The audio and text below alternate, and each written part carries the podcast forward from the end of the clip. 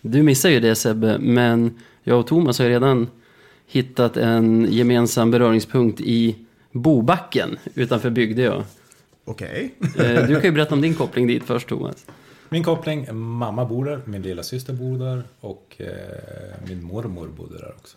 Jaha, så där. Och du då? Ja, jag har ingift släkt som har en gård där som heter Turdinska gården som den här brickan kommer ifrån. Så jag tog med den hit bara för att... För jag vet att Thomas har Bobacken som handle på Twitter. Så Och det, tänkte det jag... sjuka är att det är bara ett staket mellan gårdarna. Det är alltså granngården. Se där. Så, Den är väldigt snygg. Ja, visst är den det? Får lägga upp Det- en bild på den på Insta sen. Ja, kolla in våran Insta så kommer ni se en bricka som har motivet Tapet i norra vindskammaren, Västra Skrubben, Bobacken. Det är perfekt. Det, det, det bara sprudlar av bra innehåll på våran Instagram. Verkligen.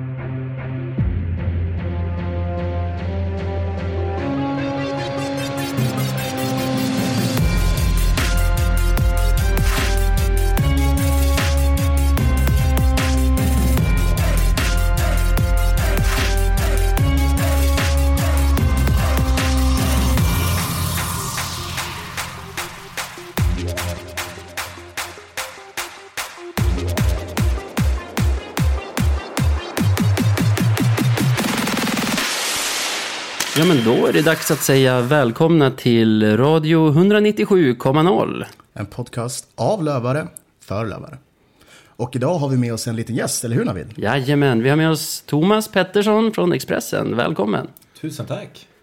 Hur känns det att vara här? Eh, grymt. Jag skrev till en kompis eh, på vägen hit när jag satt på, på tåget att det här är karriärens höjdpunkt för mig. Ja, du ser. Du ser. Ja, vi har velat ha med dig ett tag ju. Vi fastnade framförallt för den texten du skrev, krönikan du skrev inför Modo Löven, förra derbyt. Det. Exakt. Som var riktigt bra.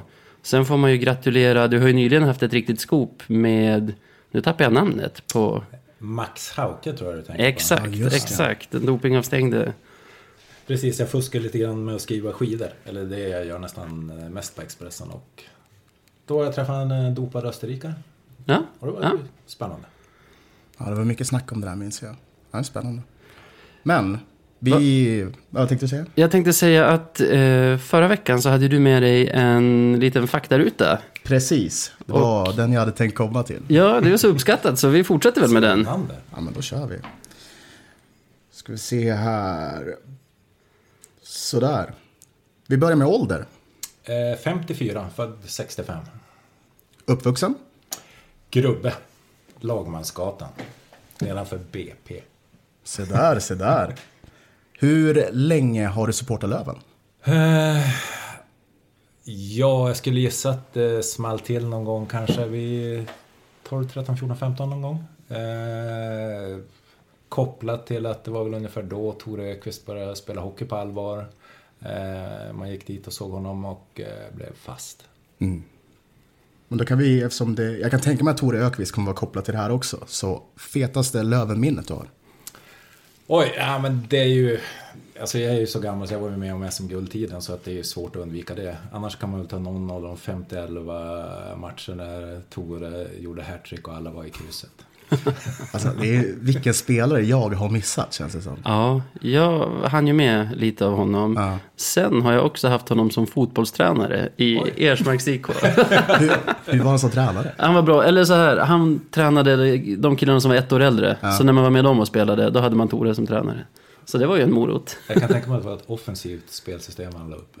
Ja, men framförallt himla pedagogisk. Jaså? Ja, han är eh, 10 av 10 som person. Ah. Och som hockeyspelare. Ja, precis. Inte i egen zon dock, men det behövde man inte vara på den tiden. Och så har vi den här då, musikfrågan som kanske är den svåraste. Ja, jag tror det. Lisa Miskovsky eller Refused? Ah. Det skulle vara lite coolare att säga Refused faktiskt, men jag måste ändå säga Lisa Miskovsky. Eh, ända sedan hon började släppa musik så har jag följt henne ganska noga och eh, lyssnar fortfarande på henne. Så Lisa var emellanåt en liten husgud, så det blir ändå ett klart Lisa-val. Och inte nog med det, hon har ju faktiskt också lirat i Björklöven. Precis. Det har säga. Det har han. Så ja, men det är självklart val. Ja, jag, jag tycker att det är rätt svar på den frågan. Ja, alltså så här, ja. Det finns väl inget fel svar nej, egentligen. nej. Okej, vi säger så här då. snyggaste Löventröjan du upplevt? Oj, det där är svårt tycker jag. Eh, på något sätt skulle det vara lite kul att säga, ja men tröjan de hade 87 när de vann guldet. Men den var inte så jävla snygg. Det var det här valmet, eh, stora blaffan längs armarna på den vita tröjan. Så jag tycker den nuvarande tröjan faktiskt har de hittat väldigt mycket rätt. Alltså färgtonen, den mörka grön, för det är den snyggaste de har haft i alla år. Mm. Skalar de bort lite av reklamen så skulle den vara perfekt. Så jag lägger nästan rösten på den nuvarande. Ja. Vet ni vad jag stör mig på på den nya tröjan? Eh, den röda reklamblaffen på vänster Exakt. axel. Ja, jag har också börjat tänka på den. All annan reklam är ju helt integrerad med färgerna. Nej, det är att man är så... Oh, ah, ja. Vi går vidare. Ja. Teg. Mm. Rätt sida eller fel sida av älven? Nej, det är fet fel sida av älven. Alltså, Oj! Det känns som att eh, det tog, det känns som att det tog 15 år innan jag korsade älven till den där sidan. Och när man väl var där så slogs man bara i stort sett. Och kollade hockey. och kollade. Det är det jag tycker är tricket med den frågan. Kanske hängde ihop. så nej, fel sida. Ja, då förstår jag. Fel sida. Så kan det vara. Men då är vi klara med faktaruta för den här gången. Ja. Sen är ju vi och våra lyssnare väldigt förtjusta i anekdoter. Mm. Lövenminnen.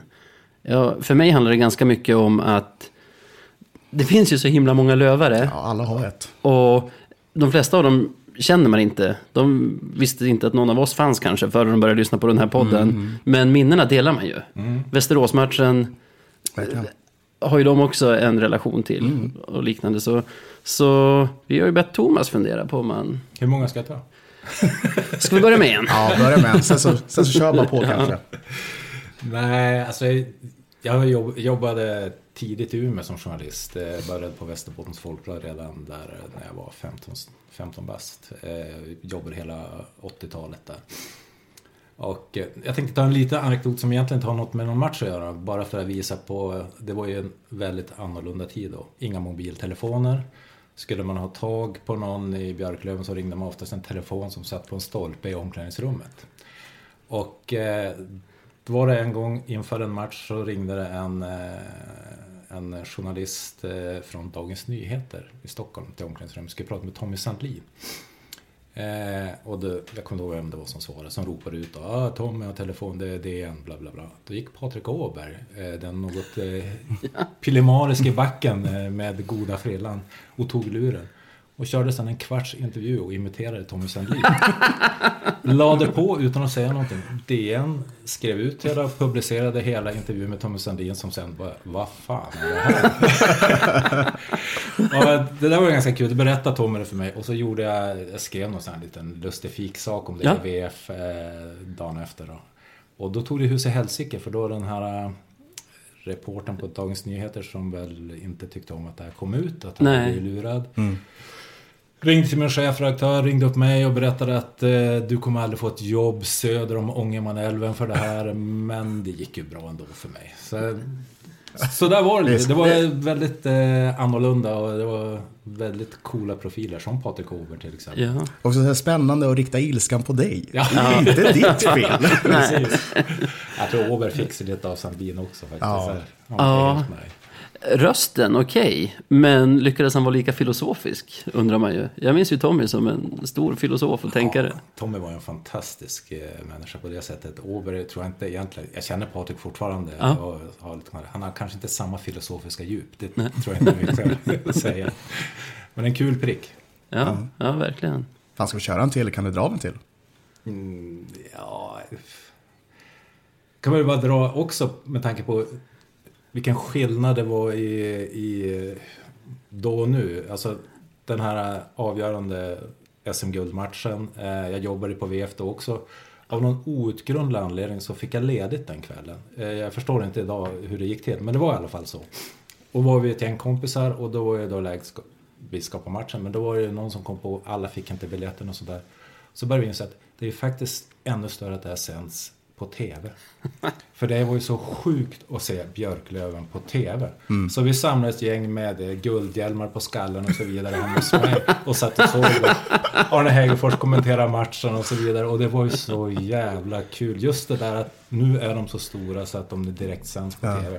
Och sen drog vi direkt på Universum och partade natten lång där laget var och så vidare. Fan vad trevligt. Man har ju hört mycket om Universumkvällen. Ja, Var, var det en bra skiva? Det var en jävligt bra skiva. det var dans på borden och det var hela paketet. Var det bra fart på Bullen? Bullen och Åberg, de var ju då krogkungarna av Umeå skulle jag vilja säga. Och eh, ja, de dominerade. Det är en fest man missar, Ja, helt enkelt. Det kan komma en till. Ja. Om kanske några år. Ja, Förhoppningsvis. får Förhoppningsvis.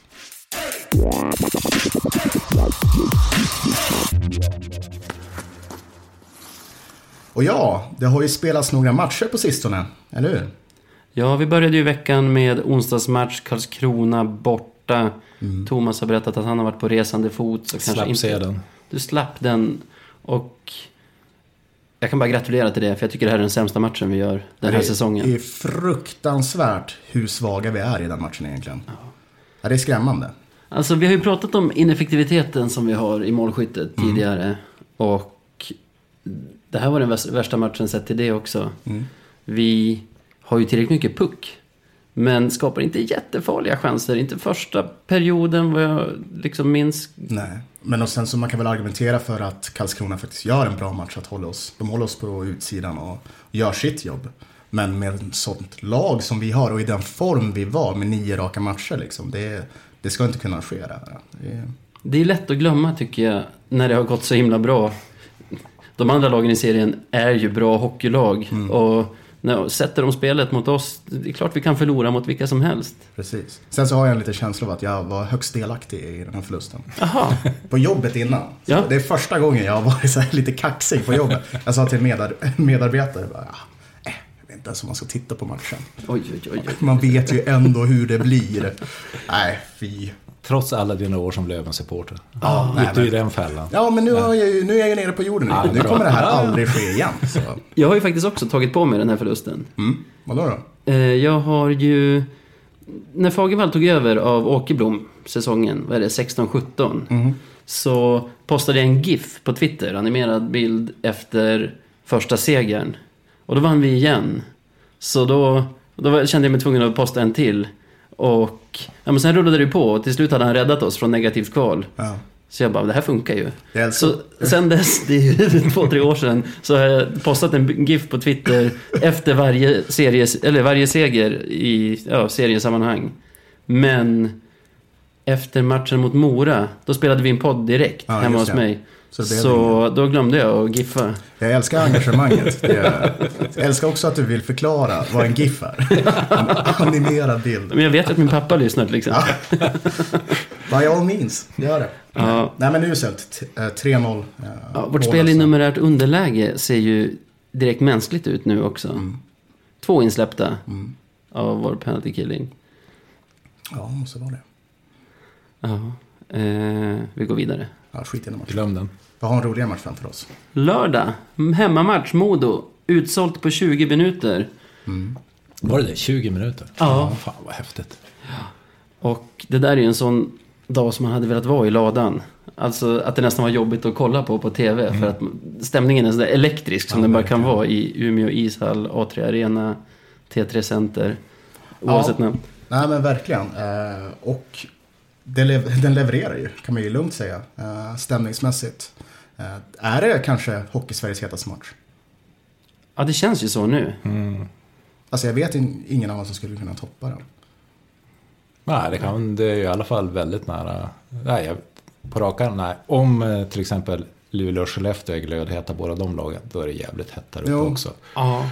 Eh, Men den här är ju steket. Ja, Ja, det har ju varit fantastiska matcher hela, hela vägen. Mm. Den här såg jag på en, i min mobil på en eh, restaurang i Lillehammer. Ja. Eh, Men jag kände genom mobilen att det vibrerade hela tiden där i hallen. Ja, det var häftigt. Ja, det är kul också så här.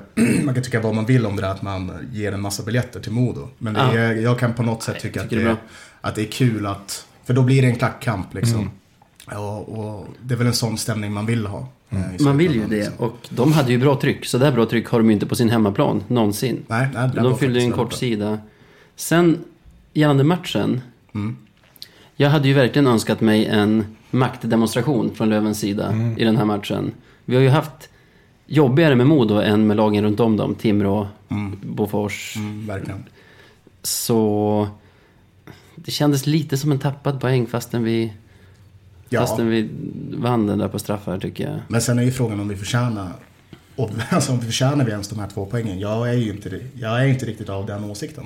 Nej. Egentligen. Eh, eller visst, två poäng, fine. Men, men jag tyckte inte att vi gjorde en bländande match överhuvudtaget. Utan Modo var i stora delar väldigt, väldigt bra. Alltså de är ju bra. Modo. Ja. Man ska inte pissa på dem för mycket. Så eh, jag håller med dig. Alltså, det vet inte om det hade känts helt korrekt med tre poäng där. Nej, nej, verkligen nej, inte. inte sett i spelet. Men vi tar ju ledningen och det känns som att varje vecka sitter vi här och går igenom matcher Mm. och säger hade vi bara gjort första målet så hade vi vunnit den eller den matchen. Mm. För vi är ju så himla bra, eller har varit så himla bra när vi leder. Ja, exakt. Eh, lugnet i försvarsspelet och så. Mm. Wiklund 1-0. Men den där tryggheten infinner sig ju inte. Nej, verkligen inte. Men det känns som att Modo spelar med en frenesi som är... Ja, den är väldigt, väldigt påträngande kan man väl säga och stressar oss, vilket leder till misstag och, och hips vips så kommer det vara 1-1. Men är det inte så här att man vill ju att även Modo ska ta sig till kval och även Modo ska gå upp till SHL så kan de här derbyna hoppa upp en nivå till. Kanske, jag vill absolut inte... Den är svår den där. Går vi till final så vill jag, från och med, alltså efter nu i lördags i alla fall, absolut inte inte ha Modo. Nej, med till final. Jag kommer att heja hejdlös på Karlskoga. Jag tar Timrå. Ja, Jag tar lätt Timrå. Dels för att det är nära att resa. Alltså Ja. nära och nära. Men, men det känns som att de, alltså Karlskoga gör ju hur många mål som helst. Timrå har ju en line, that's it. Kan vi stänga ner den, ja men då kommer vi vinna matcherna. ja, vi har ju sex av sex möjliga poäng mot dem hittills också. Så Mm. det är väl ingen dum tanke heller. Alla som lyssnar vet redan hur det gick i matchen så vi behöver inte gå igenom den steg för steg. Nej, egentligen inte. Jag noterade på Modos 2-1 Mm. att Hardy, som har hyllats en del i den här podden den här säsongen, Ja, jag har landat en hel del. eh, gör ju en extremt halvhjärtad insats vid deras 2-1. Han beter sig som en kon. Ja, jag kunde inte göra något annat än att bara skrika rakt ut. Alltså, det, där är, det där är något av det värsta jag har sett. Ja. För det går inte fort och han bara rundar honom och bara stöter in den. Ja, det ser ut lite som att han får fart åt fel håll, vad man ska säga, Herman. Så han hamnar på hälarna och Ja. bara kommer ut med en liten putt. Ja, nej, det Ja, jag skrek också på tvn och en till som jag såg skrek, det var ju Alexander Hellström som var på isen med Hardy då, som tog sin kille. Och, och som, ja, när han insåg vad som hade hänt, bara skrek rakt ut Ja, vad det det, såg ut som. är, det är nog det värsta agerandet hittills känns det som. Mm. Men eh, som sagt, kan bara bli bättre om det är så dåligt. Mm. Men, Nej, ja, men då tänker man ju att det är kört. Mm. För liksom som när vi låg under med ett mål i Övik, då kände man fan, det här, det kanske var här eh, den här matchen gick. Och så var det ju, men här vänder vi med två riktiga gnuggarmål Mm. och leder inför sista perioden. Och då brukar man känna sig lugn. Alltså när Då ska man årets stänga ner. Ja. Men jag tror de skjuter 19 skott i sista perioden. Mm. Har vi någonsin släppt till 19 skott i en period den här säsongen? Jag tror inte det det. känns otroligt. Och inget lag... Det låter ju sturskt att säga med tanke på att vi började den här podden med att sitta och säga att det kommer ändå gå åt skogen. Men så bra lag som vi har nu och som det har gått. Jag vet att Modo är ett bra lag, men jag tycker inte vi ska släppa 19 skott mot något lag. Särskilt inte när vi har en ledning att Ja, försvara. nej, det är helt oacceptabelt egentligen. Men det är, det- jag känner att de, de äger på något sätt den perioden. Eh, och deras eh, sedermera 3-3 mål. Mm. Helt rättvist. Ja, det är det. Helt rättvist. Och vårt penalty killing släpper in två mål i den här matchen också. Ja, special teams är usla. Det, det är någonting fel med special teams just nu och det har vi sett några matcher. Jag tror att vi har släppt in nu 11 mål i numerärt underläge. Mm. Varav fyra på de två senaste matcherna. Vi är inte längre bästa lag i serien i penalty killing. Det är Almtuna av någon annan. Det är sant. Ja. Det är Per Svensson. Ja, alltså jag har sagt, om man känner mig privat så vet man hur mycket jag vurmar för den här killen. Per Svensson i Almtuna. Det kan vara Sveriges bästa back. Utan om tvekan. man är på Twitter så vet man att Per Svensson Ja, han är komplett. Spelar PP, spelar boxplay, 5 mot 5. Ja, han är Han gör faktiskt bra. allt. Men vad är det stora trubblet i Boxley? Ni har ju sett fler matcher än mig i år. Alltså det... Jag vet inte egentligen om jag ska vara helt ärlig. Det ser inte ut som att de tror på det på samma sätt nu i de två senaste matcherna. Det känns inte som att det pressas på något sätt. Alltså, eh, ja, jag skulle säga aggressivitet. Det är någon mental inställning. Det är ju också, om man ska vara rättvis mot laget. För bara en vecka sedan satt vi och pratade om bortamatchen mot Karlskoga. Och hur grymma våran penalty killing var i den matchen. Spelade 1-1 med mer smak. Så, men jag tycker det känns som att laget är inne i lite av en formsvacka nu. Mm. De här Ja, två senaste matcherna tycker jag inte att, man, att de har stått och känna igen på samma sätt. Nej, det är som ett helt annat lag ute på isen. På gott och ont. Sen så, det, jag, har ju sett Men om att... man är i en formsvacka och ändå vinner mot Modo, det är ju ganska hygglig formsvacka ändå. Om man ser Ja, lite ljus gud, på ja. världen. så- Det får man säga. Ja. Det får man säga. Men till skillnad från matchen vi förlorade i Övik, där vi var vi var dominanta bättre. i Ja. spelet, så tycker jag att det här är ju en seger som man absolut inte ska skämmas över, men som vi kanske får tillbaka lite för det, Ja, för ja, det som hände i Övik. Nu var det väl så. Ja. Straffarna bättre än i Södertälje, får man säga. Vi sätter två av tre. Ja, det var det Andreasson och sen Deilert som, som avgör det. Skönt på något sätt att det är Deilert som avgör. Eftersom det känns som att han definitivt inte har varit den han brukade vara. På tal om formsvackor, ja. Ja, men exakt. Sen han kom tillbaka från sin avstängning tycker jag att han har varit... Inte stått att känna igen i alla fall. Nej. Och Alltså, det behöver de. Ja, nej, men jag tror det är jätteviktigt för honom. Det får vi hoppas att, det, att han fortsätter göra poäng. För Ja. framgång föder, föder ju framgång som man brukar säga. Ni är ju fullt bekanta med den här pessimismen man alltid går och bär på Oh ja. som supporter.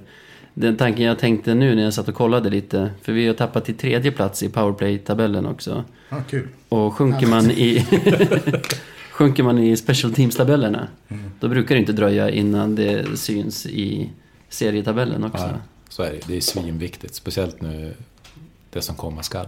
Mm. Eh, helt avgörande nästan alltid.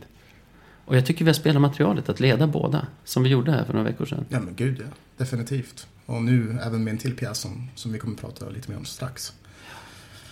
Ska vi gå dit direkt? Ja, Känslan just nu är ju nästa rubrik, men känslan just nu är ju Olle Liss. Liss is more. Ja, det. Liss is more. vi får hoppas. Du har ju bäst koll på honom här, Thomas, tror jag. Tror du? Ja, du som följer SHL kanske på ett annat Mm. sätt, genom jobbet och Tre Kronor också kanske. Han har haft en sån otroligt brokig karriär så det är ganska svårt att hålla koll på Olle Liss, skulle jag vilja säga. Ett genombrott som eh, få upplevt eh, på rekordtid och in i Tre Kronor. Och jag tror, om man kollar i statsen, jag undrar om han snittar eh, ett mål per Tre Kronor-match. Det är få som gör det. Ja. Väldigt bra spelare. Men han hade en kort karriär i Tre Kronor. Och sen har ju det mesta gått eh, riktigt dåligt. Och på slutet totaluselt ska jag vilja säga, statsmässigt. Eh, så när jag såg eh, att det var klart där så tänkte jag, ja, jaha, men vad fan ska man tycka om det? Det är en kille som uppenbarligen någonstans i sig har jävligt hög kvalitet. Men som emellanåt inte alls har varit i närheten av den under ganska långa perioder. Får de snurr på list kan det bli hur bra som helst, men det är otroligt svårbedömt tycker jag. Jag känner väl exakt likadant eh, faktiskt. Eh, för det är väldigt lätt att bländas av det han gjorde. När han väl I. Västervik. Ja. Ja. exakt. Och när han väl fick ta steget till Rögle. Men, men tittar man liksom de två, två senaste säsongerna så... Ja, men han fick ju sitta på läktaren för Rögle. Mm. Eh, och vad gjorde han? Fyra poäng på 17 matcher nere i Österrike. Mm. Det är en väldigt sval spelare som vi får till, till truppen. Eh, Jag tror inte han har ett bankande självförtroende just nu. Så det krävs nog att man eh, han får många goda klappar på ryggen där. Mm, Och får en bra start gärna. Ska man se det från den ljusa sidan så är han ju i alla fall i grunden en målskytt. Mm. Det tycker jag är någonting som man antingen är eller inte, som du inte riktigt kan träna upp. Och i vårt lag har vi massor med passningsläggare, Mm. men ingen som riktigt vill klämma dit puckarna. Nej. Så, ja det är såklart så Kente har tänkt också med värvningen. Så han kan ju inte klaga på omgivningen här i alla fall. Nej, nej.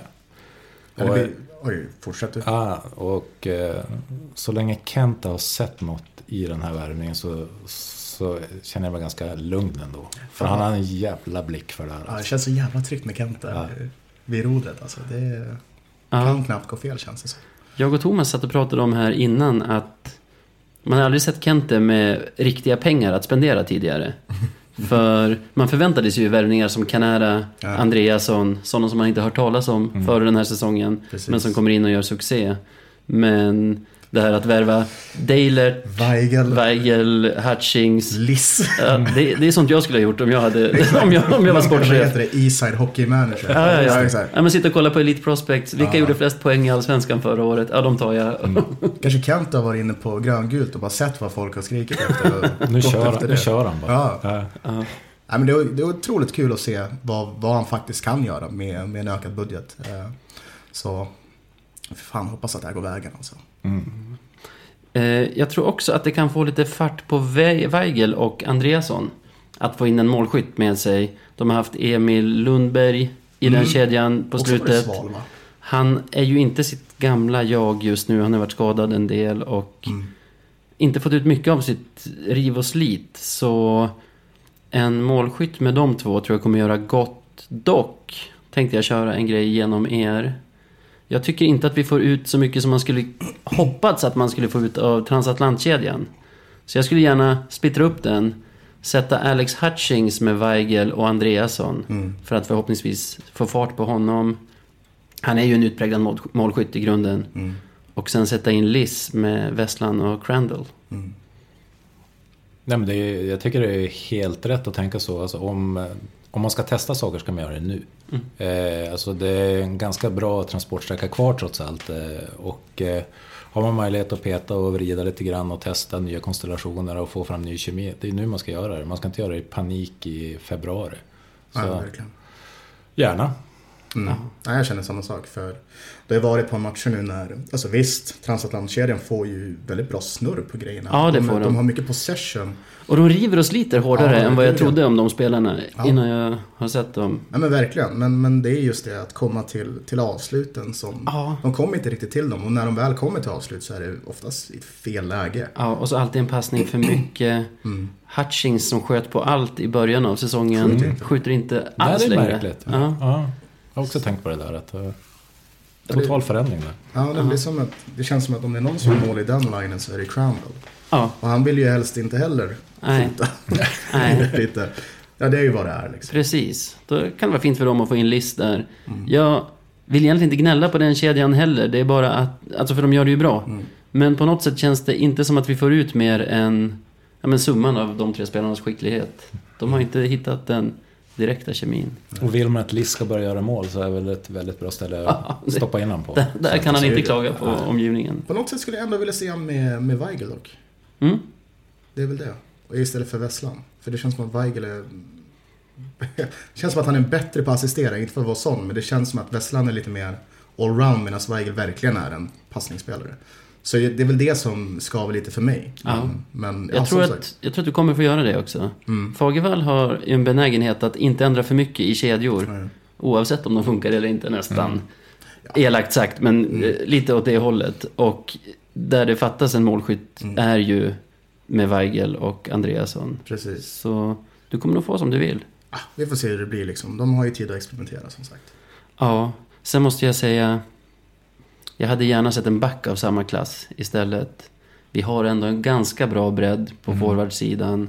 Medan Sebbes favorit har det Herman Aktell som jag inte har något jättemycket emot egentligen. Men mot bättre lag så tycker jag att han och August blir lite avslöjade. Ja, verkligen. Ehm, Jag ja. håller med om att båda har gjort stora framsteg sen förra säsongen.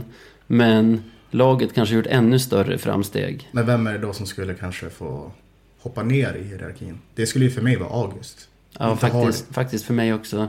Men sen är ju Acke tillbaka från skada också. När han är varm i kläderna Mm. känns det som att han ska vara en av de sex också. Ja, det är, vad säger man? Eh, positiva problem heter det inte. Det heter, skitsamma. Någonting heter det. Men ni, ni fattar. Angenäma. Angenäma problem. Av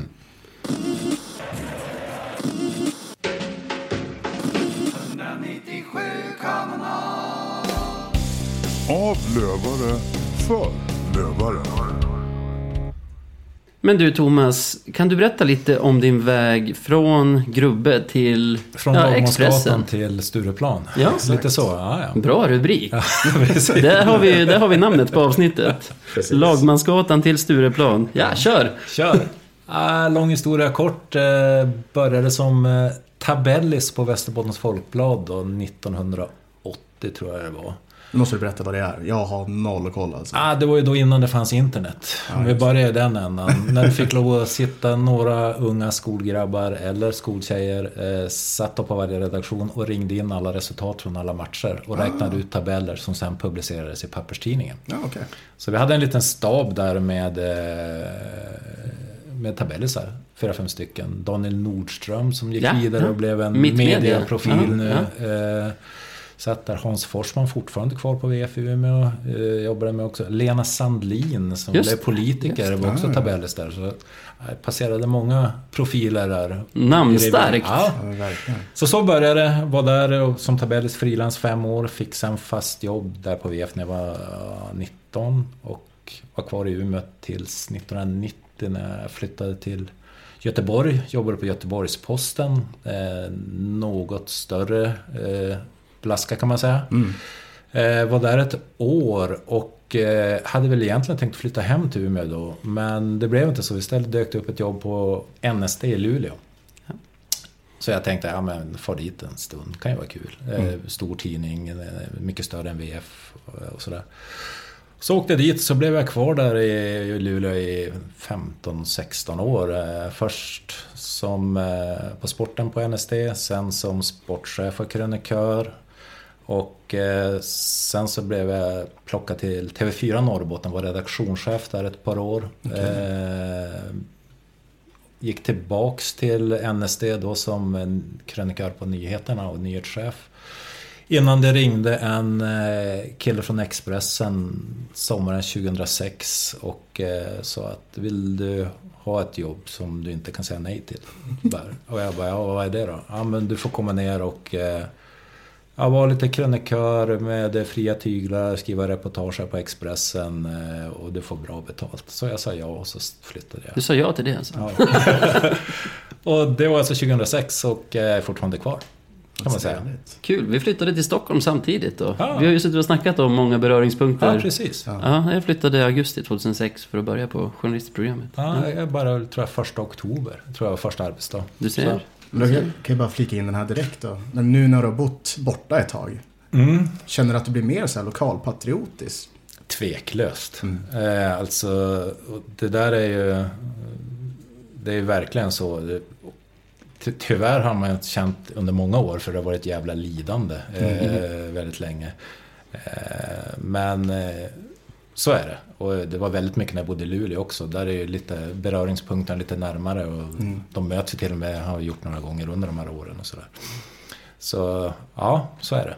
Man, Umeå-hjärtat pumpar hårdare ju längre från kommungränsen du är. Så är det. Ja, det kan jag bara hålla med om. Ja, verkligen. Verkligen. Vi pratade lite om hur vi ser på det förra veckan Mm. också. Men nej, man blir ju helt tokig på ett helt annat sätt. Alltså man gick ju på matcherna när man bodde i Umeå. Mm. Men Men nu följer man ju allt. Alltså, sen nu är det ju... ja, alltså, det är bara när jag har bott från Umeå Mm. som jag har haft perioder i livet då Löven kanske är det enda jag tänker på. Från att jag vaknar på morgonen till att jag försöker somna på kvällen igen. Men, men som när, nu är det väl en månad sedan eller något, när var AIK Löven här. Ja, Alltså den där känslan man har när man kommer från Umeå, bor här, går på Hovet och ser dem bara städa av AIK. som man ju då tycker genuint illa om sedan många år. Det är en sån inneboende frid och stolthet man får där när man går ut från Hovet efteråt. Ja, ja, ja. En fantastisk kväll för ens själ på något Ja, sätt. verkligen. Det var en sån samhörighet bland alla som gick ut där Ja. ja. detta stå. Alltså, det, var, det var helt otroligt. Folk var, var så lyriska. Ja. ja. Ja, det var en otrolig känsla. ja det, var, det var en kväll. Det var en kväll.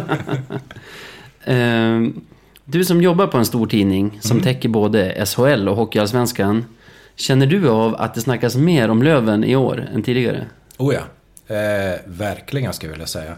Eh, det började ju egentligen redan med eh, Per Kente när han Ja. blev klar. Han har ju blivit en, en medieprofil kan man säga. Som eh, vi tycker är väldigt spännande. Och sen just Björklöven är ju, är ju ett lag som Alltså vi mäter ju trafik på tusendelar och så vidare. Och skriver man om Björklöven på vår sajt, då är det bra läsning. Fan. Eh, ja, verkligen. Ja. Eh, det finns sådana där lag. Leksand är det ultimata exemplet skulle jag vilja säga i Sverige. Vad man än skriver om Leksand så brakar servern ihop nästan. Eh, Björklöven är i, i Allsvenskan otroligt högt. Eh, alltså det, om ni bara granskar våra sajter så ser ni att ja, det finns ju tio lag som det aldrig skrivs om egentligen. Ja. Eh, nästan. Men det är några som det skrivs mycket om och allra mest skrivs det om Björklöven just nu. Mm. Så ja, det är ett eh, väldigt intresse och väldigt sug efter material om Löven. Även för en stor rikssajt som vi är. Ja, men man, man har märkt det lite på slutet. där Det har kommit upp en jäkla massa artiklar om, om Löven. tror jag läste en bara igår. Det var ju Olle Liss såklart, på, Ja, på. Expressen. ja, det var det är kul läsning. Jag såg att Björklöven, jag har inte lyssnat, men jag såg att Björklöven toppade löpet för Expressens podd. Alltså Johan Svensson och Sanny Lindströms podd. Mm. Ja, just det. Den ja. Så Rekommenderas. ja, Men- när ni har men- lyssnat på den här podden, då kan ni gå in och lyssna på den. Ja, just det. Jag är fortfarande lite arg på dem dock. Vad var det? De hade nummer nio där. Och så tog Ja. de inte med eh, Sasha. Nej, Mm. jag har tänkt på att Det är då alltså, hallå.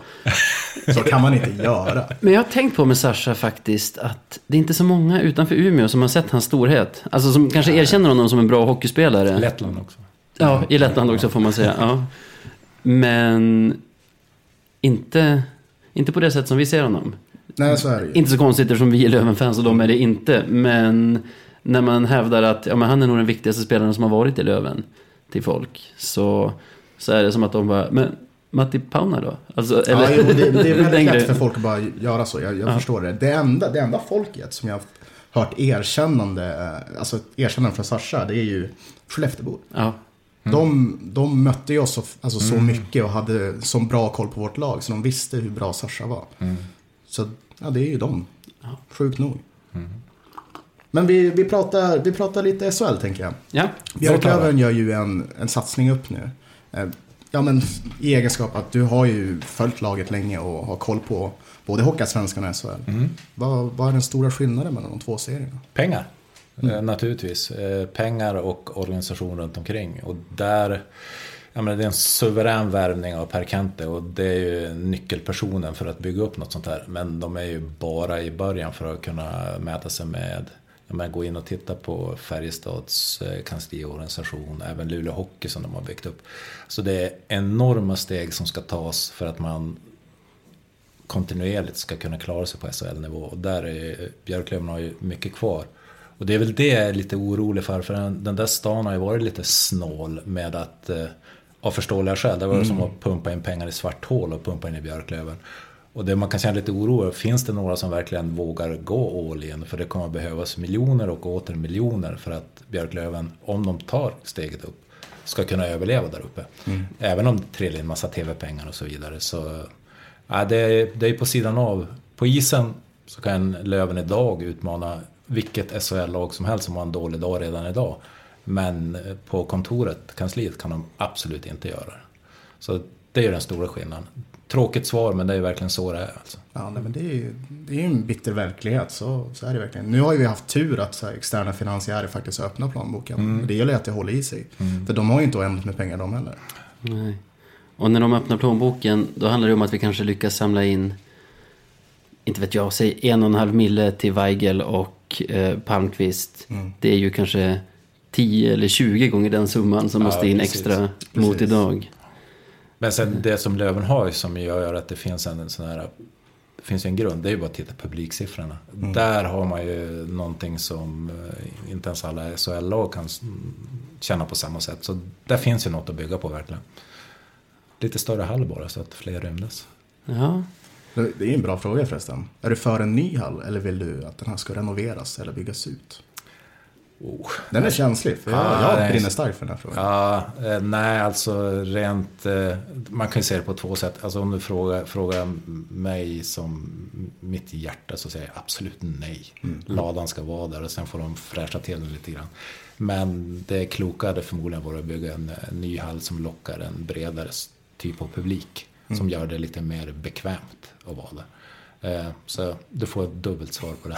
Ja, det, får duga. Ja, Jag, jag, kan ju känna, jag kan tänka på det där ibland. Bara. Tänk om de skulle riva den. För jag, jag kan ärligt inte säga en enda ishall eller fotbollsarena som, alltså, som har blivit bra, en nybyggd liksom, när man har rivit en gammal.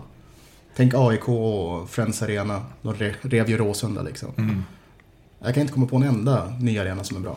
Ingen av lyssnarna kan bli förvånad över att jag säger att jag vill stanna i ladan. Jag har ju utmärkt mig lite som en konservativ surgubbe när det kommer Ah. till det där.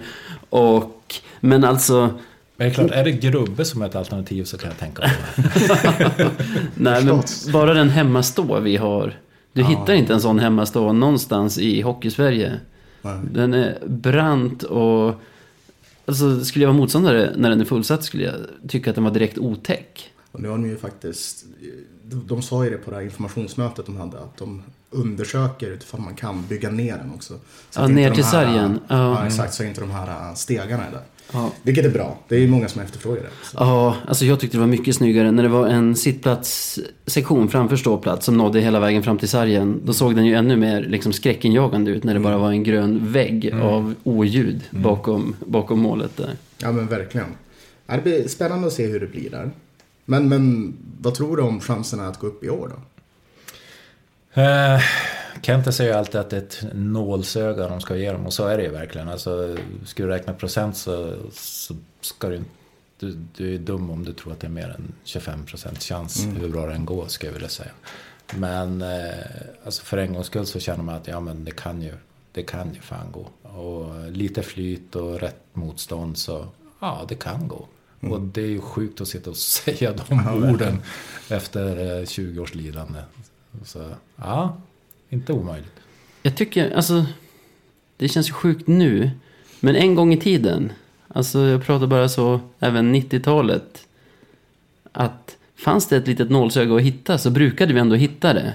Ta bakvägar upp. Vi gick ju upp tre gånger under 90-talet, nej två under 90-talet och en 00. Och det var ju verkligen sådana att man kanske kom fyra i superallsvenskan och tog sig till playoff 1, 2, 3 och sen tvåa i en kvalserie och sådana saker. Så vi brukar ju hitta vägen. Om vi Men- bara får ta oss dit liksom. Ja, men det är ju länge sedan nu så. Exakt. Det är länge sedan nu. Vilka tror du, om vi skulle ta oss till direktkval, få en sju serie mot ett SHL-lag, vilka tror du att vi har störst chans mot? Ja, definitivt Oskarshamn. Eh, och nu är vi tillbaka på Per Kente. Alltså, han skulle ju äga motståndaren innan första nedsläpp. Eh, bara att de skulle ställas mot sin gamla husgud så att säga. Så, eh, och det är det, tycker jag, klart sämsta laget också. Eh, man vet att egentligen den här frågan ska man svara på när det är två omgångar kvar. Så man ser form och vilka spelare som kommer till och så vidare. Men som det ser ut nu så är det definitivt de vi ska ha. Ja. ja, jag hade nog tagit dem också. Ja, man måste väl liksom. säga det. Särskilt eftersom de också ligger sist i tabellen. Mm. Det enda jag kan tänka med det mötet är att fastän det skiljer tiotals miljoner i budget så är det inte säkert att vi ens skulle få behålla underdog-stämpeln. De är Nej, fortfarande en småklubb. Lite vi mot världen, typ hela Hockeysverige, speciellt SHL-direktörerna skulle heja på oss. Och Precis. de skulle, trots att de är den etablerade klubben, så skulle de få underdog, Ja, det skulle de faktiskt få. underdog-slotten och kunna kriga därifrån. Helt, helt omvänt med Leksand. Faktiskt. Men det kanske är tiden här nu. Björklöven behöver inte vara underdog längre. Nej, Kan vara head honcho och bara äta upp motståndet. Så kanske det är. det känns ju bisarrt att säga. självförtroende. Ja, men ja. Tyvärr så är det dock, det känns som en, are- en arena vi aldrig vinner i. BG Arena. Visst var Oskarshamn lite av ett boogie-team? Ja, men det är därför de hade Manuel Ågren. Han gjorde ju alltid mål mot Björklöven. Det är din andra favorit faktiskt. Det är helt Jag har sanslöst. sett dig skriva om honom 25 gånger kanske. Man blir ju tokig. Snubben gör mål varenda match mot Löven. Nej, och jag är glad att han är i SHL just nu. Slippa få en mål i baken av honom. Usch. Är han kvar i Oskarshamn? Nej, han gick till Djurgården. Ja, okej. Han gick till Djurgården, sen så fick han typ, ja, han fick någon halsinflammation eller någonting. Halsfluss kanske. Och så var han borta jätte, jättelänge. Vilket var trist för honom såklart. Så så, det är storyn om Ågren. Jag måste erkänna att sen jag slutade på Simor för kanske tre år sedan tror jag inte att jag har sett en hel SHL-match. Skiljer sig spelet mycket åt fortfarande? Ja, men det gör det. Eh, det är ju naturligtvis bättre på varje punkt. Ja. Lite bättre. På Mer varje punkt. systemstyrt också? Ja, eh, det är ju däremot tråkigare oftast. Eh, det är ju rätt förutsägbart ofta och sådär. Så att, men eh, det är klart det skiljer sig. Och det skiljer sig ju ganska mycket egentligen. Ja, jag kan ju, egentligen kan inte jag säga någonting för jag är precis som du Navid. Jag tittar inte på SHL. Ser ni aldrig på SHL? Nej. Det, det finns inga matcher som intresserar mig. Nej.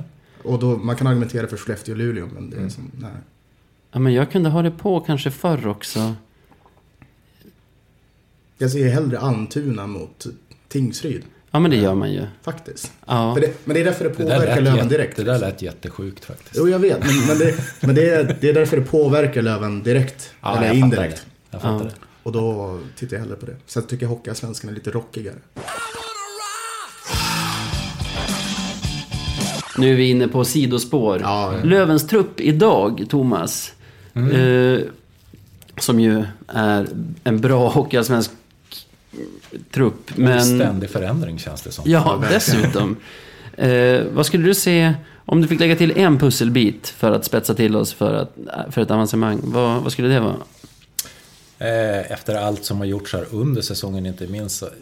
Det är väl som nästan alla lag säger, alltså en riktigt jävla bra back. Eh, som gärna, framförallt en defensiv go-to-guy, men som även kan i powerplay vara en tillgång och ett vapen. Eh, skulle Löven hitta en sån, och det är ju naturligtvis, alla vill ha såna och de finns ju knappt. Eller de är ju på annan nivå i hockeyvärlden. Men en, en sån pusselbit, då skulle det kännas betydligt tryggare, om jag säger så. Eh, jag vet inte, jag kan inte plocka ett namn på vem det Nej, skulle nej, vara, men men, den typen. Den spelartypen, ja. Jag känner faktiskt likadant. Typ en till Deilert. Fast utan formsvacka. Eller Cooper, för den delen. Ja, men jag tänker mer en blå linje-dansare. Absolut. Poängstark. Ja. Ehm, vart läste jag det? Att det inte är säkert att det är färdigvärvat heller, såg jag någon rubrik om. Ja, jag har också läst det. Nu minns inte jag heller vart jag läste. Det kan ha varit det som var rubriken på löpet till Expressens hockeypodd. Så kan det ha varit. Mm. Att det inte är färdigvärvat för Björklöven eller någonting sånt. Säger- Ta oss inte på orden. det så har han rätt. Han Ja, så är det ju alltid Ja, också. det var väl två namn som skulle in och Olle Lisse är ett av dem. Har jag för mig. Jag, det har jag läst. Så det blir spännande att se vad Kente kan erbjuda härnäst. Livet är fan spännande helt plötsligt. Ja, det är det.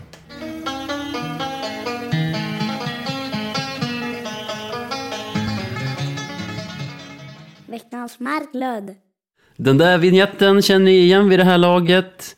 Du kommer älska det här segmentet Thomas. Det är dags att kora veckans Marklund. Alltså den mest klandervärda från veckan som har gått helt enkelt. Ja, exakt. Det gör vi ju varje vecka och vi har ju hittat några nom- nya nominerade. Några gången. guldkorn. Ja, det tycker jag. Två väldigt starka. Vad hade du? Eh, nej, men jag tänkte att vi ska blicka tillbaka på Modomatchen. Ja. Eh, för det är en sekvens där som jag tycker bara, den är, den är rent utav undermålig. Eh, vi vinner puck, jag tror det är Linkvist som vinner puck. Eh, lite tvivelaktigt kanske, det ser ut som en misstänkt bentackling. En eh, modespelare går ner i backen, märkbart skadad men inte så att han håller på att dör precis. Vi kommer in två mot detta. Domaren tar ingen utvisning på det här utan de väljer bara att blåsa av spelet. För att modospelaren ska vara skadad då. Mitt i våran två mot etta ja. Precis. När vi är mitt i ett väggspel egentligen i offensiv zon så blåser han av. Exakt. Och det är ett ganska prekärt led, äh, läge i matchen. Jag tror att vi leder med 3-2 där och då. Det är tredje. Så ett 4 4-2 hade ju kunnat punktera det där. Eh, så nej, eh, jag, jag fattar inte varför man... Alltså om man inte ska ta en utvisning där, vad blåser av sådär när vi har pucken? För så som jag har förstått det tidigare i alla fall, så är det att ja, men vid huvudskada, då ska man ju blåsa av. Eller om någon kanske är riktigt, riktigt skadad. Men det, det, kändes inte som det. Här kan du också vänta två sekunder så har du fått ett avslut och inte sabbat någonting men avgörande. Ja, det är så dålig spelkänsla liksom. Ja, och jag tycker... Nu, jag har ju sagt att vi inte borde prata så mycket om domare här och det är ju den som följer mig på Twitter vet att det är ibland det enda jag pratar om. Ja, jo, jo. och man känner sig så himla barnslig och obstinat när det är liksom domargnäll efter en insats man är missnöjd med. Men det är ju Holm som dömer. Mm. Bland annat Och, ska ja, sägas. och han gör väl sitt bästa. Den som har tagit beslutet att Holm fixar nog den här fullsatta matchen i Hockeyallsvenskans topp Mm. är ju också klandervärd. Det är åt båda håll. Jag tycker det är en solklar bentackling på Linkan i det här som vi Ja, alltså, pratar om. Egentligen skulle det vara en utvisning på... Ja, jag tycker när Modo gör 1-0 är det Emil som får en tripping som jag inte tycker är mycket till tripping. 30 sekunder innan har en Modospelare kapat benet på Weigel med sitt ben utan att någon av domarna tar den. Och jag, jag vill inte prata om det känner jag. Varje gång på domarsnacket. Ja, exakt. Det, det blir bara Och- mer och mer. Desto, desto mer man tänker på det. Ja, jag har en prata liggande om de allsvenska domarna som jag inte vill spoila heller. Eller så gör jag det. Alltså, vi som har varit i ettan och harvat vet ju att det kryllar ju inte av domartalang där som bara väntar på att få komma upp i allsvenskan. Så, Nej, så skulle Holm försvinna, gärna Schilken, gärna Lyt. Det, någon måste ju döma matcherna också. Så. Gärna Bergman också. Raddar upp hela domarkåren. Nej, det är lite orättvist. Ja, vi, är, vi är fem domare kort nu. Ja. Var hittar vi Nej. dem?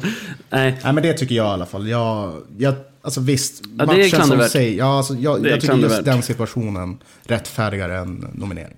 Ja, Modo är faktiskt inblandade i min också, men även här är det inte de som har betett sig klandervärt, utan de har blivit an- anmälda till förbundets tävlingsnämnd. eh, igen, får man säga. Mm, De har ju fått flaggförbud på grund av att några genier har bränt av pyroteknik Mm. inomhus. Det kanske ska, eller det ska väl bestraffas, men flaggförbud, flaggor har inget med det att göra. Jag, jag stör mig mycket redan där. Ja, det, Och nu har de blivit anmälda för incidenter i två matcher. Bland annat hemmamatchen mot oss som vi har pratat om Mm. idag och mot KHK.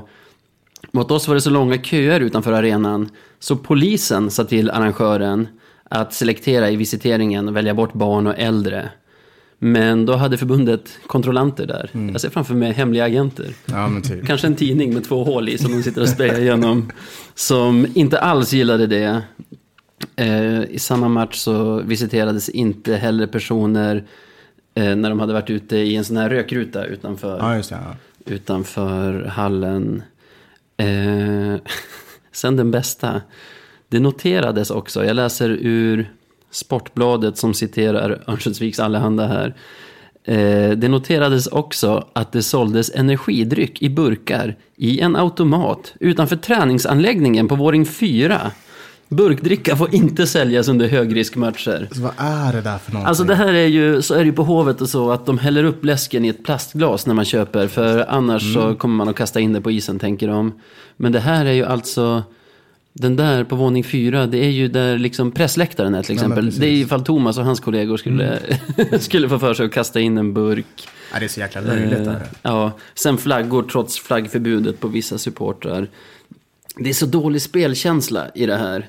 Och Jag gillar ju inte det här med kollektiv bestraffning som de kör med. För det är ju såklart, i en klack, hur många kan stå där? Några hundra. Ja, Så är det en eller två som bränner av pyroteknik, vilket inte är så, så bra i en hockeyarena liksom. är de människorna kan vi såga direkt. Ja, men exakt. Pyroteknik Och de- och- inomhus, inte, jätte, Och de, inomhus, inte och de jättesmart. får ju sin bestraffning. Ja. För de, jag, så, så De är mig- identifierade, va? Exakt, och då Ja. blir de avstängda. Jag tror det är ett år man blir avstängd. Ja, Och sen så får alltså hela klacken ja, flaggförbud och OH-förbud.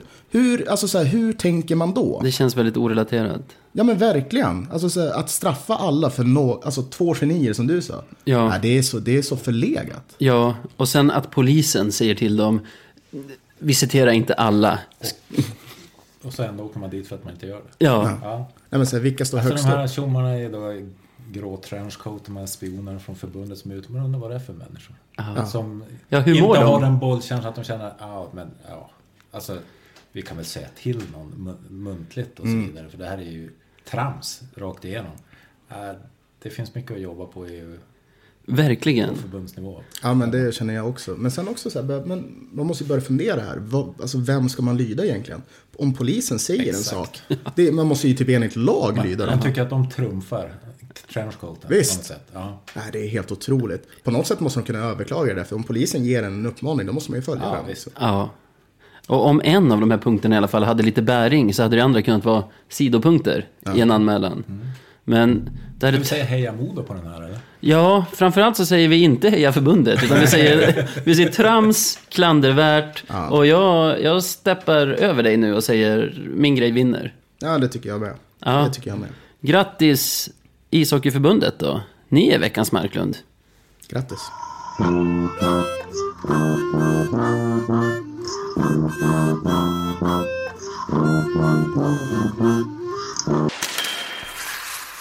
Ja, som ni vet så har jag och Navid kört våra drömfemmor genom tiderna då. Eh, Så nu tänkte vi fråga dig Thomas. Kul! Vad har du för drömfemma egentligen? Ja. Eh, Jag gissar att det kanske skiljer sig en del mot era. Särskilt mot min tror jag. Ja, precis. Jag har några, några decennier upp på dig. Nej men, eh, börja med målvakt eller? Ja, visst. Jag tycker, märkligt nog, eller märkligt, kanske inte så märkligt. Det är väl den enda positionen som kanske är utmanad av någon i dagens lag.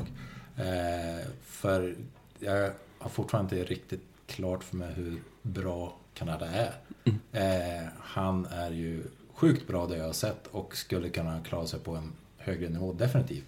Men jag har, inte oväntat ändå, Göte Wädertal och guldmålvakten från back in the golden years som målvakt.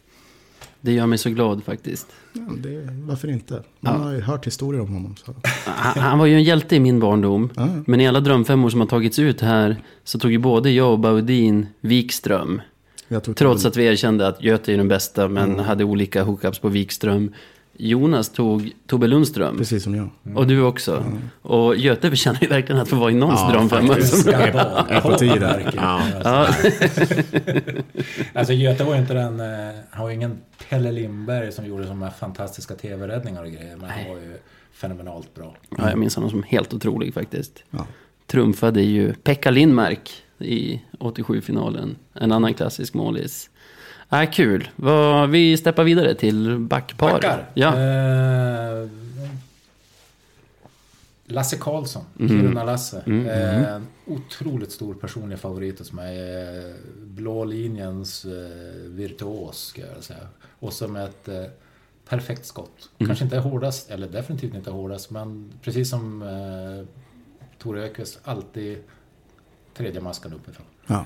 Eh, och en otroligt skön typ. Jag vet inte riktigt vad han gjorde i fystester och sådär. Jag tror inte han ledde alla. Och jag var med om att komma in efter matcher så sitter Lasse där på bänken. Äh, Pettersson, har du en cigg? Så jävla så ja. röksugen och glömde mina hemma. Så gick vi ut och rökte utanför omklädningsrummet. Och så bara bäst på isen. Ja. Ja. Eh, en riktig jävla personlig favorit. Sen bredvid han har en totala motsatsen i spel, Rolf Berglund. Okej. Eh, nummer 24.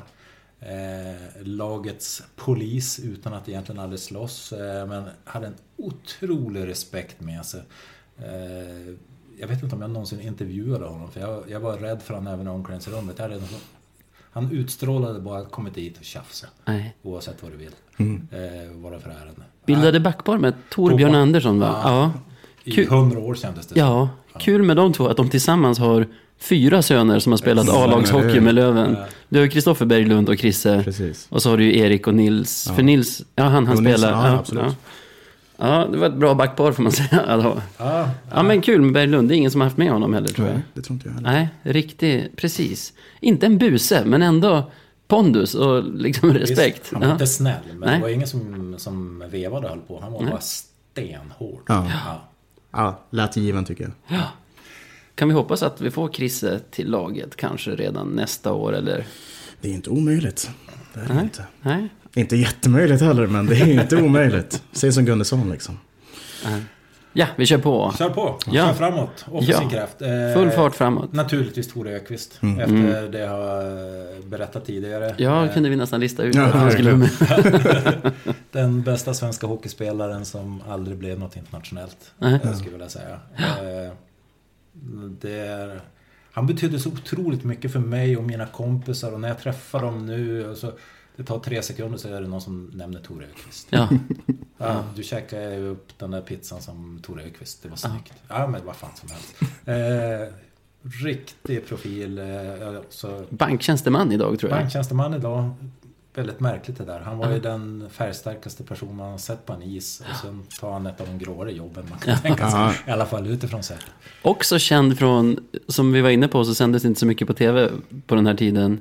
Känd att, från att ha ringt in till Bingolotto och vunnit en bil en gång. Ja, det kommer jag ihåg. Det är han och Tex alltså. Ja, och Loket som var programledare då är ju idrottstokig. Och gick ju i taket när han förstod att det var den Tore Ökvist som ringde in till hans program. Klassiker. Också känd för att vara din fotbollstränare. Framförallt det tror jag att han är känd i. Sverige för. Kommer bli det nu i alla fall. Ja, absolut. Nej, Tore är den största. Alla kategorier. Mm, mm. Alltid. Eh, ni får in Biljavski här också. Yes. Även i min... Jag gissar att han var i era. Absolut, Ja. absolut. Eh, han var ju då verksam under åren som jag inte var i Umeå så mycket. Eh, men naturligtvis eh, har jag följt honom och sett honom och eh, sett massa matcher med honom. Gud är benådad. Eh, jag tror inte, jag tror att Tore Ökvist betyder mer för Björklöven än vad, vad Beljavski gjorde, men vi är olika generationer så vidare. Men det är ju lite samma andas barn med sättet att eh, de ultimata avslutarna, ultimata lirarna och så. Emellan dem slänger man in Patrik Sundström. Okej. Det kan sluta bra. Det kan sluta bra. Varför inte? Eh, han är nog egentligen den allra bästa av alla björklövare genom alla tider. Med internationella snitt och mått sett. Eh, problemet var ju att det var så få av oss som fick se det. Ja. Eh, du kunde inte se en NHL-match med honom när han var där och härjade och gjorde ju fenomenala prestationer år efter år efter år. Högre status i Nordamerika än i Sverige skulle jag säga. Oh ja, oh ja. Eh, Han var ju en kung. Och jag- alltså den, den fysiken han hade som väl sen bröts ner under alla år. Men alltså han kom in i zon och la ut vänsterarmen och sen så kunde det stå fyra man där och banka på den och ingen kom förbi. Otroligt spelskicklig. Eh, smart, lugn, en superstjärna som få visste att vilken superstjärna det var tyvärr. Ja, verkligen. Jag älskar ju också när man hör det här laget. Det är så himla mycket Lövenhjärta. Det är ju Patrik Sundström som till skillnad från brorsan kom hem till Sverige från NHL för att spela division 1-hockey med Löven mot Teg och Husum och de gängen. Husum där det var, det var lite handskalle Just där det. på sargen. Fick Just det. Sundström tacklas in i... Ja, var, Beljavski som spelade andra liga hockey med Löven hur många år som helst fast han kunde bättre. Lasse Karlsson som åkte till hockey-VM 91 vill jag säga. Från division 1. Och Är det sant? ja, Jaha. ta mig inte på orden på årtalet. Men Nej, nej, han gjorde ett hockey-VM från, liksom. från division 1. Hade mer, ja Tore såklart som, han hade en, han hade en säsong i Luleå tror jag. gjorde 30 mål. Tror jag. Ja, Helt okej. Ja, åkte typ- Varför inte? ja, precis. Och som sagt Berglund som har gett oss två söner. Eh, nej, härligt gäng, vad kul. Ja, helt klart godkänt tycker jag. Tack. Definitivt. Ja, det är Definitivt. ganska bra femma.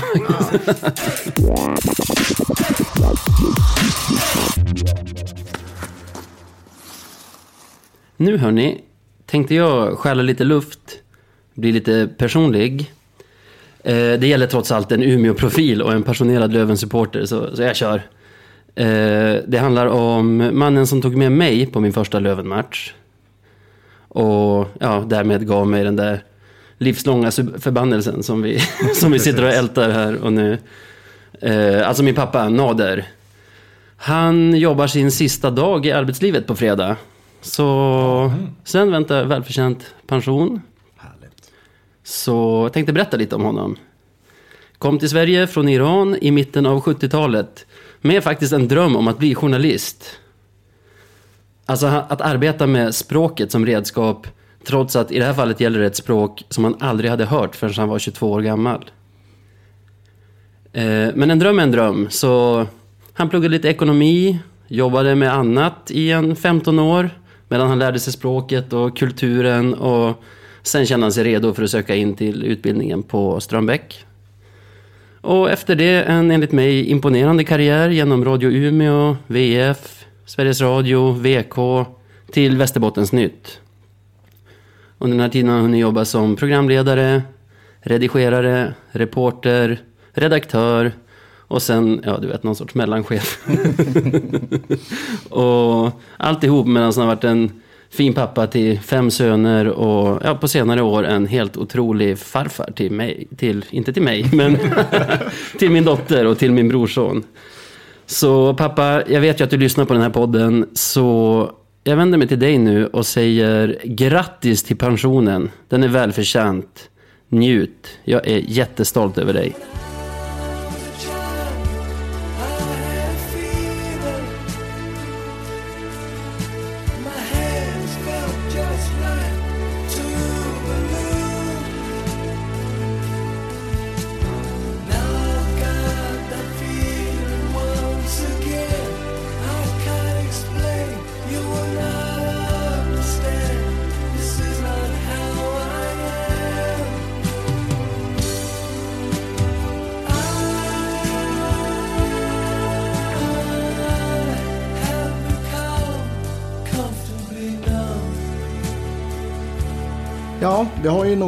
Spännande matcher som kommer egentligen. Eh, första matchen nu, onsdag, Västerås, borta. Ångest, eller? Ja, men lite grann ändå, känner jag. Hur känner du Thomas? Ja, den är svår. Eh, oberäkneligt motstånd kan vara väldigt, väldigt bra och kan vara väldigt lätt att ta oss med ibland känns det som. Så eh, ja, det blir bra att se om, det pratas lite formsvacka här om det var något eh, tillfälligt. Åker man ner och plockar tre poäng där, då är formsvackan över. Ja, då är vi på rälsen igen. Ja, verkligen. Men Västerås var ju det laget som jag tycker hittade nyckeln till att slå oss och liksom jäklar, stänga alltså. ner Ja. sättet vi vill spela på i förra matchen då de vann i Umeå mot Ja, oss. 2-0 va? Just det. Ja, det var en perfekt, alltså ja, visst, en klyscha, men det är en perfekt eh, utförd bortamatch av dem. Alltså det, ja, det är sällan man har sett Löven så desarmerade, faktiskt. Ja. Alltså, hittar de det igen, ja men då, då blir det inga poäng för oss. Nej, och det är väl ingen fara då heller egentligen. Jag räknade ut igår, fast jag har glömt. Men även, även om vi skulle spänna bågen för att slå allsvenskt rekord, Ja. ta 110 poäng på en säsong, så är det fortfarande massor av matcher vi kan förlora under Okej. fortsättningen. Och vi kommer förlora fler matcher. Men samma som mot Modo här, efter förlusten senast skulle man gärna vilja se en håll käften-seger. Nyckeln i den här matchen kan ju också bli Olle Liss. Ja. Det lär ju vara hans första match. Borde ju vara så. Ja, det kan inte vara några papper. Han är ju liksom svensk medborgare. Det måste bara vara in och köra. Ja, så tänker jag också. Ja, det blir spännande att se hur de formerar laget, eller hur Jocke formerar laget. Vart Liss går in och vad han faktiskt går för. Han har egentligen inte, jag tror inte han inte ens har tränat på typ en eller två veckor innan han tränar idag, eh, måndag då, med laget. Så det ska bli spännande. Vi pratade ju efter förra matchen att den hade kunnat se helt annorlunda ut om vi hade gjort första målet i den. De hade inte kunnat spela på samma sätt då. Ska vi gissa att det kan bli nyckeln på onsdag också? Ja, Absolut. Säkert kort att dra. Stämmer ofta. och en ganska skön klyscha också. Första målet. Jag älskar klyschor. Ska vi tippa den här då? ja, vi måste ju. Ja, eh, vi har en alltid. regel, Thomas. Ja. Ja, vi har en regel att, om, att inte alla får tippa seger. Ja, även om man tror det. det är, för, för förra gången vi gjorde det, då blev det faktiskt torsk. Det blev dubbeltorsk då ju. Ja. Västerås på onsdagen och, och Modo på lördagen. Ja, så kan, vi kan inte ha det så liksom. Jag minns att du messade mig före, före Västerås-matchen och bara, men det här blir förlust. Ja, Vi var för självsäkra. Det, precis så. Men Ja. ska, ska jag ta det tråkiga jobbet då? ja, Om du jag, vill det jag så kommer också göra det, så det är lugnt. Är Du, två du är helt fri. Två stycken som tar det. Okej, visst. Ja, ja. Två, tre efter förlängning. Två, tre. Ja, baserat Alltså på... nu tänkte jag lite fel. Alltså, Ja, 3-2 till 3-2. Västerås. Ja. Man ser ju alltid eh, de som bortalag. Ja, ja, ja. Samma. Ja, när du säger 2-3 så tänkte jag Lövens seger faktiskt. Jag, baserat på att Västerås lyckades neutralisera oss så bra senast vi möttes, att de har hemmaplan och att det inte riktigt hakar i för oss nu på slutet gör att jag tror att de vinner med två mål varav sista i öppen kasse, ska vi säga 3-1. Mm. Ja. Nu, Lite, lite positiva vibbar nu eller? ja, Olle Liss kommer in. Fyra mål. Ja, fan han gör hattrick direkt. Ja. Ja, ja, ja. Nej, men eh, det kanske är det, här, det kanske är det här som är matchen då vi får igång vårt PP igen.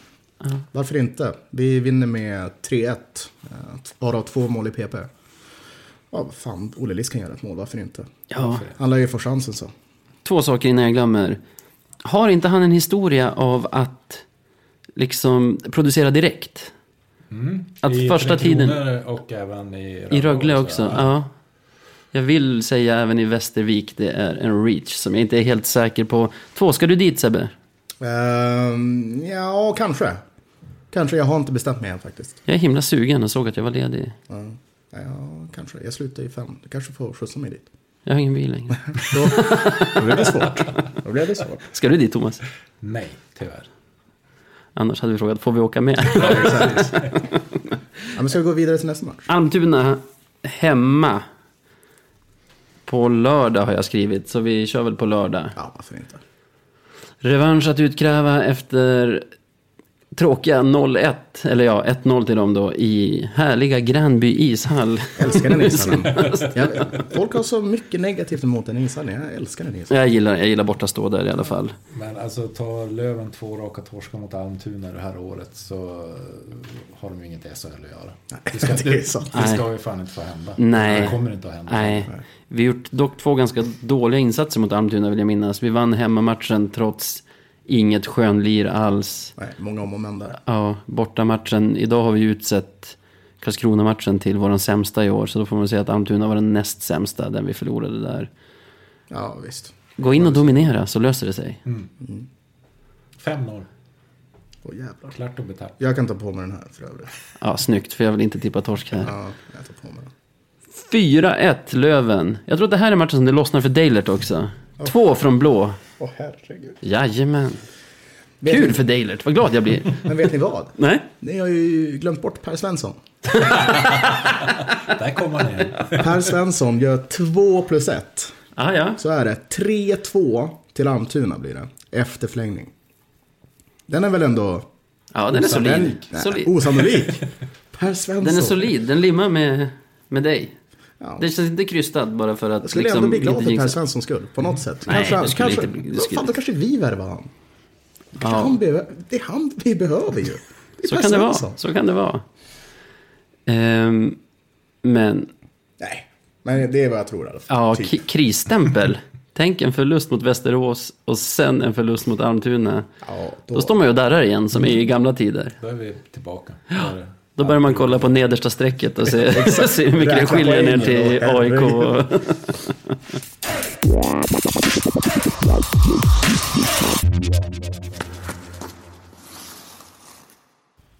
Men eh, nu tycker jag att ni gör så här alla lyssnare. För vi kommer lägga upp lite roliga saker på Instagram och Twitter framöver. En Så- bricka bland annat har vi Bland utlovat. annat en bricka.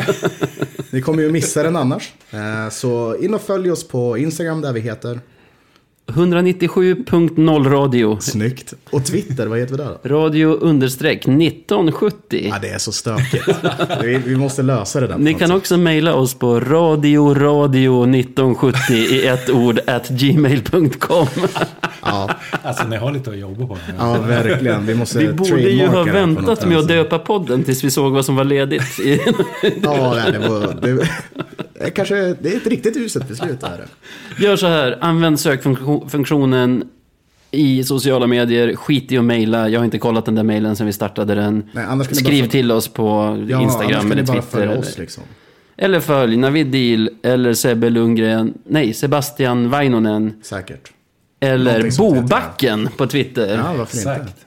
Stort tack för att du tog dig tid att komma hit Thomas. Det Ja, var dundertrevligt. Ja, ren ära. Bra femma också, det gillar vi. Ja, alltså i kvalitet den bästa femman som har utsetts. Ja, men det är det. Oh, stort. Är det första gången eh, Patrik Sundström är med? Ja, det är det. Bara en sån sak. Det är konstigt. Ja, Ja. ja. Så tackar vi Emsing. Emsing för ljudmix och klippning, vignetter och bumprar. Och Ronny Bergqvist för lån av studioutrustning. Dessutom idag, tack Ronny för lån av lägenheten som vi faktiskt sitter i och spelar in det här. Vi är honom mycket nu alltså. Ja, han... En kasse öl kommer inte att Är räcka. det hans godis jag äter också? Nej, det är faktiskt från mig. Men det blir ju hans nu när ni inte äter upp det. Ja, men det är en bra present. Ja, ja, ja. All right. Ja, Ha det tackar bra pojkar. Tack för idag. Tja, tja.